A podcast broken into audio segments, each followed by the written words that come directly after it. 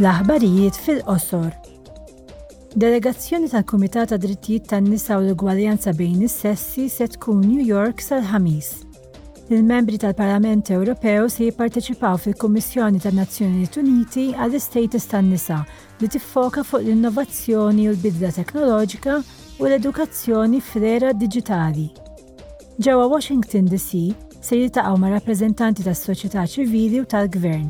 u mal-membri parlamentari biex jiddiskutu r-reazzjoni negattiva għad-drittijiet tan-nisa fl-Istati Uniti u l-Ewropa. Delegazzjoni tal-Kumitat tal Libertajiet Ċivili tinsab Ateni biex tevalwa s-sitwazzjoni tal-istat ta' dritt, il-ġlida kontra l-korruzzjoni u l-libertà tal-medja. Il-membri tal-Parlament Ewropew se jiltaqgħu mal-membri tal-Gvern tal-Ġudikatura u tal-Aġenzija tal-Intelliġenza. Se jsiru wkoll laqgħat ma' kumpaniji involuti fil-produzzjoni u l-bejgħ ta' spyware, ġurnalisti, NGOs kif ukoll mal-Pulizija tal-Fruntieri u mal-Aġenzija tal-Fruntieri tal-Unjoni Ewropea, il-Frontex. Iż-żjara tintemm għada.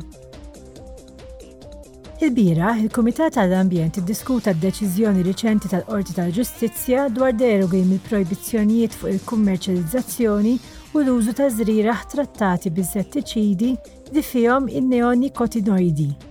Il-Membri tal-Parlament Ewropew iddiskutew ukoll ir-reviżjoni tal-Inizjattiva tal-Unjoni Ewropea dwar il-Pollinaturi li timmira li tindirizza t-tnaqqis tal-pollinaturi slavaġ.